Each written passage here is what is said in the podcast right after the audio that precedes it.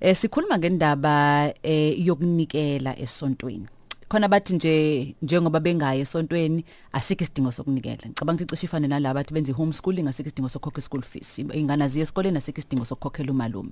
Eh njalo njalo. Nabanye ke abangayi esontweni bathi aba abasibona isidingo sokuthi bakhokhe umnikelo. Kodwa ngike ngezwe ke eh ngomunye umhlobo wami. Mm.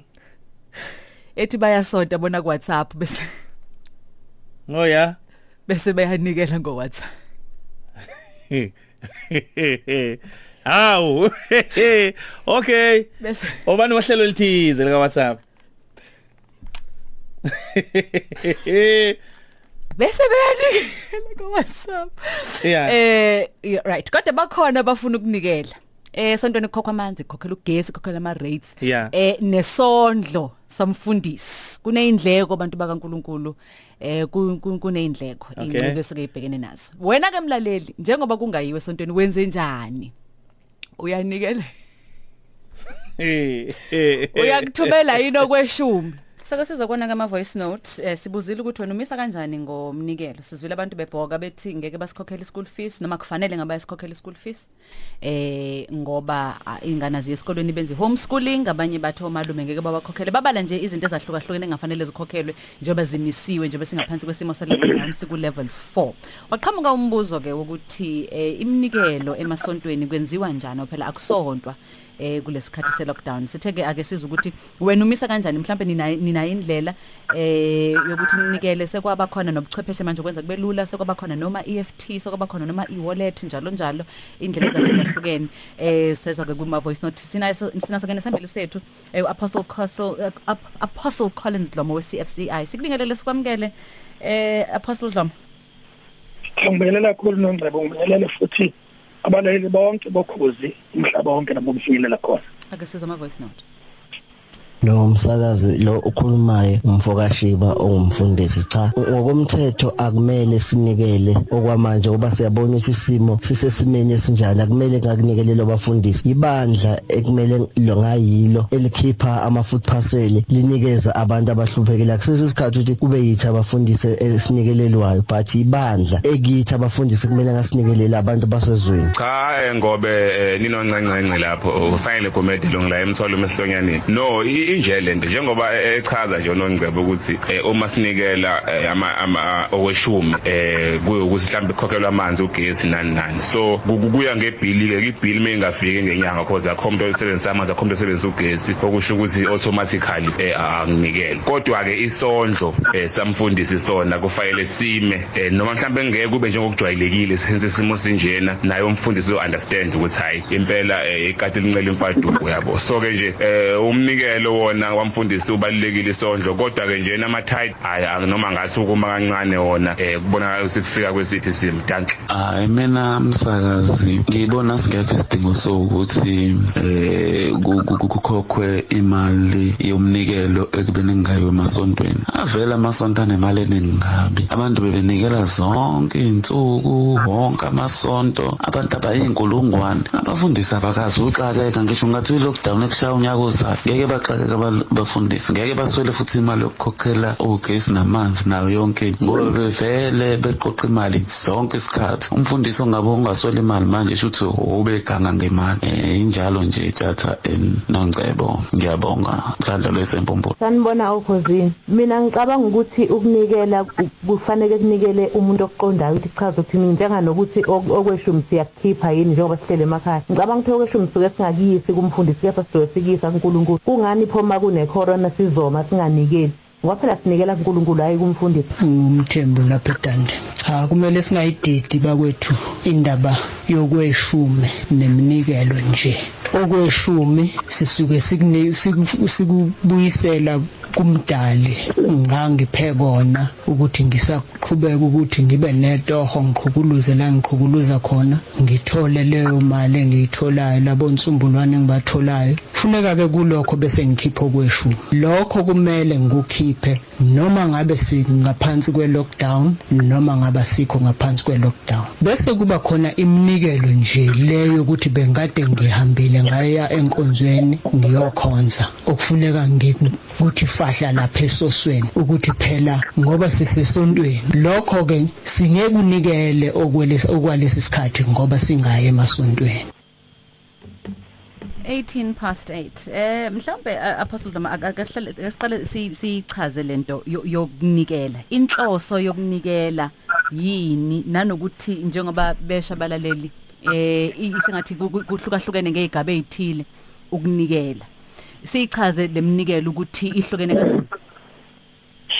Eh, mhlambe asibeke ngokuthi indaba yokukhonza ilawulwa yiBhayibheli. Mhm. Ilawulwa yizwi kaNkulunkulu ayilawulwa mfundisi so kufanele masikhonza yonke into esiyenzayo sibheke ukuthi iphuma phi ngokwezwi kaNkulunkulu mhm. Inkonzo nje yonke iphelele. Ayisona isigaba esisodwa. Iba nendomiso mhm. ibe nomkhuleko mhm. ibe nomnikelo mhm. ibe nesidlo senkosi. Ukhonzileke lapho waqeda eh futhi okwesibili kufanele indaba yokunikela singayithathi ngokuthi indaba yasesontweni. Ivele yaqala noma uyibheke eBhayibhelini iqale ibandla likhonzela emakhaya. Mhm. Eh mawufunda nje iNew Testament uzothola ukuthi kwakukhonzelwa emakhaya emzini ethile umnikelo uqoqwa bese uhamba uyosupporta izisebenzi kaNkuluNkulu. So ukunikela kwethu asinikeli ngokokulawulwa umqondo wethu. Umuntu kufanele anikele ngokokulawulwa yizwi kaNkuluNkulu. Mhm. So ukunikela kuyinkonzo akukona ukukhokha nje usuku ukhokha ama installment kodwa ke sengishilo lokho. Eh indaba yomnikelo njoba ngiyikhuluma la zihloniphile akuyona indaba esingayikhuluma esigangaleleni ngoba kuyona yonke umuntu. Mhm. Eh abantu abayinikele kuNkulunkulu futhi abakholwa yizwi ngokunikela. Akuyona futhi into engaphoqa umfundisi. Mhm into okufanele isuke kunembeza womuntu ekuthindwa yizwi kaNkulunkulu mhm ngakulinganisela njengokuthi kungaba yiphutha mangathi kusuka umuntu okholwayo ayotshela abantu abasethaveni ukuthi abaphuze kanjani. Ngenxa yokuthi into elawulwa bona. Ngoba siyikhuluma lana umuntu akangena akhulume ngenxa yokuthi akazi ukuthi lento isuka enhlizweni isuka kumuntu. So ke lento siyayithola nje encwadini yezenzo chapter 2 verse 41 ukuthi inkonzo yonke uma isiphelele ayipheleli ngaphandle kokunikela. Ukunikela kuyingxenye yomuntu okhonza kusegazini lakhe mhm. uma ngabe sengenwe inkonzo singene kuyena. Mhm. Bese sithi ke mhlambe ke ubuso ukhuluma ngokuthi ke yenzani khona into oyishilo ukuthi yenzani mhm. simnikele. Eh amabandla ahlukene kufanele sifa siwalenganise ngoko khona ibandla elikhonza nje lapha endlini kubo kuka eh eh kubo kanungcele ekhaya. Mhm. Eh mhlambe likhonzela khona njalo abantu bawu20 indleka ayifani kodwa nalo futhi linendlela eminakela ngayo isikhonzi senkosi esuka sebenza ngokugcwele. Mhm. Kube khona amabandla anezakhiwo ezinkulu ezakhiwe yibona abazalwane ngokuvumelana. Kuphinde futhi kube nabazalwane abaholayo nabafundisi abaholelwayo. Mhm. Kuleyo mali enikelwayo ngaba amakhaya ngabe yini? Kube nabafundisi abanikelwa ngoba isivumelano esibhalwe phansi futhi labo bafundisi bakhokha intela. Mhm. njenga wonke umuntu phezulu en njengami nje ngiyikhokha mhm. Indleko lezi zebandla ezi-administrative okuvunyelene ngazo ezibhalwe phansi zalotshwa yibandla. Fanele mase kukhona ukushayeka kokwezimali ibandla lixoxe ukuthi mase kukhona abangakwazi ukuthi banikele ngenxa yokuthi abasenayo income mhm. Fanele kwenziwe njani? Bese kuba ukuthi kodwa abanayo income abaqhubeke phela nenkonzo mhm. ngoba vele bekwenziwa njalo noma kuthiwa asikho lesi sikhathi. Mhm. Bese kuba khona ke lona okhulume kukhona okhulume wathi ibandla kufanele kunganikelwa kodwa linikela abampofu. Mhm. Kuyaphambana lokho kuyashayisana ngenxa yokuthi asazi ukuthi lokho abampofu bazokunikela besusaphi. Iqiniso njengamanje amabandla amaningi ayanikela kwabampofu. Mina njengoba ngikhuluma nje ufuna ukwenza isibonelo ngathi. Namaningi amabandla amanye wenza sinemndeni eyi-300 esiyinikelelayo nyanga zonke njengoba kunje. Kade u-40 sikhulile manje. Sikuthola ngeminikelo ama types iminikelo lena abathe eminya iyekwe Mhm. iyona leyo siqezula lapho kunikelelwa abantu abanye aba- abangasakutholi njalo njalo. Maningi amabandla enze njalo. Into ekuhluphayo nongcebo ukukhuluma ngento ongayazi ongekho phakathi kuyona. Mhlambe apostle ngoba mhlawumbe o- omunye uzoba nokuyibuza ukuthi okay nangu uapostle Dlome ekhuluma ngendaba ukuthi eh njengomfundisi uyahola une salary eh kusho ukuthi une pay slip nje bekhokha ne tax ekhokha pays UN njalo njalo. Eh ku- kukhona umahluko ikona lokho abantu abakubiza ngesondlo samfundisi lo mholo lo eh amabandla asebenza ngokwahlukene ngeke siwafake ubasket owodwa. Mhm. Aye ngesidingo sendaba ake ngilinganisa ngingcebo ngoba kufanele mangikhuluma la ngikhulume sengikhuluma lezi zinto zama payslip nani nani mhm. Fanele ngiqale phansi bakhona umuntu olalela osekhaya ebandleni sekhaya hlanganela urawundi mhm. Eh lapha kulawundi njengoba kukhonza abantu abawu20 kuno kunothisha owayekade uthisha othe mayisebenza umsebenzi ukhuphuka wayisecela ukuthi hayi naye ezubiza kwathiwa yeka sizokwenza isondlo isondlo kuukuthi mhlambe ke bayaqoqa njalo njalo. Kube khona kuthola amakuphela inyanga khona amabandla njalo ukuze naye adle ngenxa yokuthi uyisisebenzi esayeka into yakhe kazosebenza la. Olunye uhlelo lo mhm. Bese kuba khona amabandla ase ezingeni lapho khona njengami njengangisebenza ngangisebenza ongoye uNkulunkulu umsebenzi wakhula wakhula ngo1994 Mhm. sema kuphela iminyaka em- e- ethile umsebenzi usowanda kwahlangana isikhongo sebandla kwathiwa hayi indoda ngeke. Nami sengizona uNkulunkulu ngeke phela uqhubeke manje. Lento isidinga nsuku zonke sekufanele bese office sekufanele usebenzele ama skills kodwa wasebenzisa lapho la ebandleni. Kwase kutholakala ukuthi ke manje kufanele ukuthi ke kube ukuthi uyavunyelwana lapho ukuthi uhola imali engaka kwenzeka kanje wenze kube nohlelo olunjengalona akuvamile ukuthi mawusuke une esikhathini esiningi mawusuke uhola kube nesondlo eceleni ngoba isona sondlo iholo lapho mhm. Kodwa ngeke ngikhulumele yonke amabandla usho ukuthi nawe ufane nomuntu osuke esebenza kube ukuthi lapho uhola khona. Ukuthi mase ukuthi ibandla hlangabezana nezingqinamba mhm. fanele kuhlale phansi kuxoxe kungaqali ukukhulunywa inkulumo zokuthi akusezonikela ngoba ukunikela kuyinkonzo. Mhm. Yokukhonza kuyinto esiphila ngayo nami ngiyanikela njengomfundisi mhm. Nebandla futhi lenza imisebenzi eminingi. Mhm ibandla kufanele abantu bakuvume ukuthi njengamanje khulumeni njengoba esebenza lama food parcel mawungase ubale ama food parcel lezinto ezenziwa amabandla ziningi kakhulu njengoba ngisho nje ukuthi sasa nje ngizobe ngilapha eh eh eh eShaka Grand. Mhm. Sikoshaya moya. Sisendaweni ethile. Sise sikomatatiyen sisendaweni ezahlukene. Ngemali esingayitholi kuhulumeni evela kubantu besizana singaqali manje. Into eyi lifestyle okuyisikompilo labantu abakholwayo. Abangasuki abantu bazosigida uma bengenaso isikhathi sokuthi baqonde kahle ukuthi ibandla likhonza kanjani. Mm. Mhla mhlawumbe umbuzo on- on- ongaqhamuka eh apostle ngoba um- njengoba usho ukuthi um- umuntu mhlawumbe angakhuluma ngoba nakho engazi ukuthi umsebenzi wasesontweni wenze njani uhlelwa kanjani abe nokuthi awu lo muntu nempilo yakhe ayiphilayo bese fike zoma phambi kwethu ngesonto azokhuluma eh as- asiphe ukudla komphefumulo eh kodwa ubalulela ukuthi eh kuba khona umsebenzi wase office uyavuka uye emsebenzini insuku zonke. Bese omunye ethi imali le ez- ezobe iyisalary eh isalary yo- yokuthini? Ngoba phela ubizo lolu. Eh kufanele ngabe naye njengoba kunjena nje njengoba wonke umuntu elimele kungekho ndlela yokuthi abanye abantu baziphilise. Nakhona la ebandleni ingekho indlela abantu bayiphilise. Naye akwamukela umfundisi lokuthi izinto azizukufana. Mhlawumbe ke sengazwelwana ke nomfundisi mhlawumbe okuwukuthi indlu ke kube khona amasonto uthola ukuthi i- isonto lila bese indlu yomfundisi ibalanga ngemva kwesonto. Lapho ke kufanele khokhele ogesi namanzi njalo njalo. Kuthi hayibo i- indaba lomfundisi ngoba eh, unawo ama skills ukuthi mhlambe naye ngabe uyasebenza Ngi- ngisho lokho ngib- ngibuza ngibuzela umuntu ngempela ngempela onjengoba usho ukuthi khona abantu abang- abangazi ukuthi uhlelo lu- lukanjani athi umuntu hayi cha lo muntu fanele ngabe unayo indlela ukuthi azipatanisele naye ngoba vele kakade thina simbona Sunday kuphela eh eh into esingihluphe la nongcebo mhm abantu mase kuba ibandla kuye kube sengathithi bayahluleka ukucabanga ngendlela. Mhm. Ake ngiqale ngithi okokuqala vele abafundisi angeke bangakwazi ukunegotiate ukuthi izinto zishintshe. Mhm.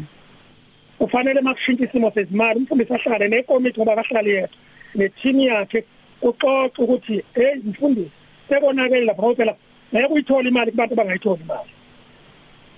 Iqiniso lokuthi abafundisi bazokuthinteka nabo njengawo wonke umuntu ethinteka asilona iphutha leso futhi kuyiqiniso ukuthi abafundisi abakwaziyo ukuthi kube nezinto abazenzelayo eceleni kufanele bakwazi ukuzenzela basebenzise izandla zabo nemisebenzi yabo. Kuyiqiniso leyo elingeliphiko kodwa ke siwashilo wonke lawo maqiniso. Mhm. Kuyiphutha ukuthi abantu bese bekusosonga izandla. Mm. Kusho ukuthi kuleyo nkongozelo ebakhona uma ngabe inkongozelo noma yini kulabo abasasebenza nabasenayo income nabasakwazi ukunikekela akube khona phela ukubhekeleleka njengalokhu kubhekelela kuzo zonke inhlelo zabantu abasebenzayo. Njengoba ukhuluma wathi ibandla linemisebenzi amabandla ano secretary manje kunama computer kunama office ku kunento eyiningi kune khona ama rates kuningi kakhulu. Bese kuba khona ke njengoba usho ibandla mhlambe elinendawo engemuva nawo lawo mabandla anenhlelo. Ibandla liqala manje bese kukhona inkinga. Kunenhlelo ezibhalwe phansi kunama constitution kunemsiko gom kunemgomo yebandla. Asizokwazi ukuyihlephula siyisusa kodwa sesisho njalo. Ibandla vele nalo lithintekile esikhathini samanje. Abafundisi nabo bazothinteka bathintekile. Angeke bese bathi uzothola into efanayo lokade uyithola before. Ngenxa ukuthi awuzothi ukuthi umfundisi bese uthi wena bese uthi umfundisi hayi mina ngithintwe yilutho kusho ukuthi mina kuzofana kumina noma kungasafani ebandleni mhm. Ukuthinteka kwebandla kuzomthinta nomfundisi. Mhm. Eh mhlambe lapha wedinangwe into engeke ngiyibuke ukuthi eh okuyiyona eyenza abantu babuthi inhlonze ngaso sonke isikhathi uma ngabe khulunywa ngomnikelo kuhlale ku- ku- ku- ku- kusuka imsindo. Eh, siyabona aba- abahola abaningi bamabandla la nasey'nkundleni zokuxhumana. Impilo abayiphilayo ubukhazikhazi kakhulu. Eh isezingeni eliphezulu ngendlela ongakazi uzuyibone eh okwenza ukuthi ke manje abantu manga bese bebheka indaba umnikelo bebone sengazi ukuthi akuseyona le kahle hle ngempela eBhayibhelini okusuke khulunywa ngayo ukuthi inhloso ngqangi yomnikelo. Nokhipho kweshumi kwakade kuyini kwakade kusukelephi eh njalo njalo. Futhi kubonakala sengazi ukuthi manje ku- ku- ku- kwabanye ba- bethwese njengomthwalo amalungu ebandla ukuthi eh kufanele anikele ngento engaka noma ngento ewukuthi eh kwenziwe kube sengazi ukuthi mhlambe kusancindeze thize eh ukuthi banikele ngaleyo ndlela. Kuyilapho abaholi bamabandla bebe bephila impilo ewubukhazikhazi eh ngendlela emangalisayo. Ngi- ngicabanga ukuthi lo msindo ongaka ngendaba ethinta umnikelo iqhamuka lapho ngoba kumanje sebebonakela abanye eh besho ukuthi eh lapha einkundleni zokuxhumana ukuthi kufanele benze kanjani abantu ukuze bakwazi ukuthi bakwazi ukuthi baqhubeke banikele njalo njalo. Okwenza kabanje abantu ke babe nempikiswano enkulu ke mangabe kuza endabeni yomnikelo isusa umsindo ngaka Ngicabanga ukuthi eh, enye into eh mhlawumbe eh, ukwengeza nje ku- kulokho. U- uzothola ukuthi omunye umuntu yabona uma isikhathi sesinzima siyasiqala sibhekisisa izinto besikade singazibhekisisa ekuqaleni. Ezothi umuntu okokuqala ngiyanikela ngaze ngiwabone nama financial statements asesontweni ukuthi ami kanjani. Angazi nanokuthi kuthiwa kukhona malini umnikelo wami uyaphi? Ngenxa yokuthi naye umuntu useyabona manje ukuthi okay kunzima. Njengoba ngisho mase kunzima sibhekisisa zonke izinto lezi. Athi umuntu ngilokho ngiphosele kulesi sivivane kodwa ngempela ngempela angazi ukuthi ku- ku- kungakanani. Ngiyambona umfundisi aphawulela kakuphawulayo ngomfundisi kodwa aqala bheka izinto ezifana nalezo. Abazalwane bayakwazi ukuthi bazibone izinto ezifana nalezo ukuze baneliseke nabo ukuthi yebo ke awuqhubeke umsebenzi. Eh ake ngithathe kule ncindezelo kuyiphutha elikhulu ukucindezela abantu ngokunikela. Ngoba ukunikela kufanele kusuke enhlizweni. Eh, ekakhulukazi esikhathini samanje kubalulekile ukuthi abantu banikele ngokukholwa kwabo. Babheke izi- badedele bakwazi ukubheka izimo zabo. Ukukholwa nje akuhambisani nekucindezela ukuthi umfundisi uthi. Mm. ngomthetho ukukholwa kufanele kube ukuthi mina izwi lithi kimi. Uma umuntu esen- esenikela ngenxa yencindezelo nokulandelwa sekuyimpoqo leyo fanele ukunikela kusuke ngaphakathi enhliziyweni yomuntu. Bese kuba khona indaba Kunjalo. yokuchaza kunjalo dinangwe mhlambe kunganqamluli nje eh ku- ku- kule kuleli iphuzo lishoyo ngoba eh ngisho ngisho umbhalo wabaseKorinte besibili sahluko 9 i- i- i- iverse ka7 ukhuluma ngomuphi eh osuke enikela noma e- e- e- epha ngo- ngokusuka othandweni lakhe ngaphandle kokucindezelwa. Ngoba kuthiwa uthanda umuphi onamileyo kodwa manje uma ngabe sekuzoba khona ingcindezi ngoba mhlambe enye into mhlambe dinga nangwe efike ifake ingcindezi kubantu imnikele yenziwe obala. Mase kuthi uMandla Magwaza hayi usekhipha u15000 umuntu ozemva kaMandla Magwaza usezoba namahloni ke manje ukhipha u50 rand abekade emisele ngokunikela ngawo. Ake ake sithi ke lapho lo njengoba kuthiwa akanikeli ngencindezelo obukayo omunye kodwa akangamkaleli lona onikele ekhululekile. Yebo. Abantu abaningi aba- abakhathazeka ngokunikela abantu abanganikeli esikhathini esiningi. I-research yami ngitshela lokho njengomuntu oseqede 30 years kwiministry mm mm. Abantu abakhuluma kakhulu ilaba bona bangakhiphe lutho. Lo kunikele engacindezeleki akangahlushwa ukunikela kwakhe engacindezeleki ake ngiye kulezo bukhazikhazi la mhm eh ungaba yiphutha uma umuntu engasebenzisa imali ongesiyona yakhe. Noma kuthiwa umfundisi noma ubani eh enga engena ingxenye yakhe. Kodwa umuntu uma ngabe ukuthi kunesivumelwano uyahola noma kunomsebenzi abantu banemsebenzi eminingi abayenzayo ngaphandle lezinto abazenzayo. Eh ethinta umsebenzi kaNkuluNkulu nethinta ezinye zezinto. Abanye sibabona kuleso sikhathi asibazi basukaphi kunezinto eziningi ngesikhathi beqala bebehamba ngenyawo asisho ukuthi manje sekufanele ukuthi babuyiselwe imbuyelo yabo. Kodwa ngokuqhubeka kwempilo yabo njengalokhu ubona nje noma uqala umndeni awufani nomuntu okade awuqala. So kufanele sikwazi ukwahlukanisa ngoba akhona wona amahumusha nezigebengu vele ensimini. Kodwa kukhona abantu impumelelo yabo iyakwazi ukutraceka iyakwazi ukubreakseka bese ngiza kule financial into okuthiwa financial accountability ekhulunwe nongcebo yendaba yama financial statement. Ikhanga ukuthi ibalulekile leyo nto ishona ngcebo ibandla nebandla kubalulekile lokho ngeke sikufihle sikuvikele futhi. Yebo ukuthi ibandla kufanele libe nalo uhlelo lokuthi izimali zalo kube imali ekwazi ukuba neaccountability engakwazi ukuthi zibe nama financial statements abalekayo nabhekelelekayo eh uma ibandla lingenakho lokho kusokunenkinga lidinga usizo ngoba leyo nto vele iyabalimaza abantu. Mhm. Ake ngilinganise kanje. Akufanele kuthiwe mhlambe abafundisi fanele babhekeleleke bodwa. Bangasibheki isimo ababhekene naso. Kumele aba- abafundisi baphakathi njengalokho umuntu osebenza wonke phakathi esesimoyeni fanele kuhlale phansi kuxoxwe nebandla kuboniswane kulungiswane kwenziwe i- inhlelo zoshintsha endaweni ethile la ishintshwa khona.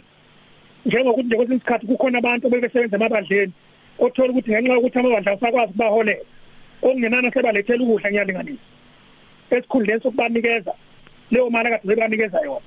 Abanye bebeclean emabandleni sebenikezwe imali njalo njalo.